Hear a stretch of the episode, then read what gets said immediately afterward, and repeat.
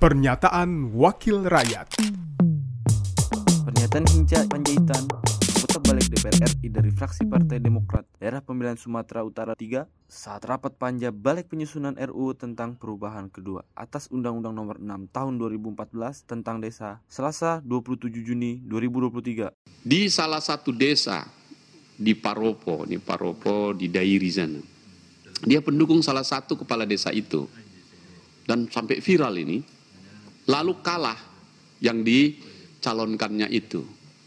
Dia memesan peti mayat ke tetangga sebelah dan dikirimkan kepada yang menang itu.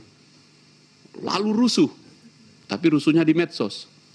Lalu dia ditangkap, ancamannya 10 tahun penjara. Dan setelah itu selesai dan tidak ada juga yang chaosnya di situ.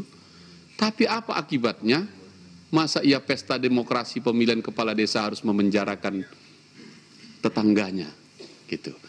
Poin saya adalah ini kesempatan kita untuk mengembalikan juga semangat guyup itu.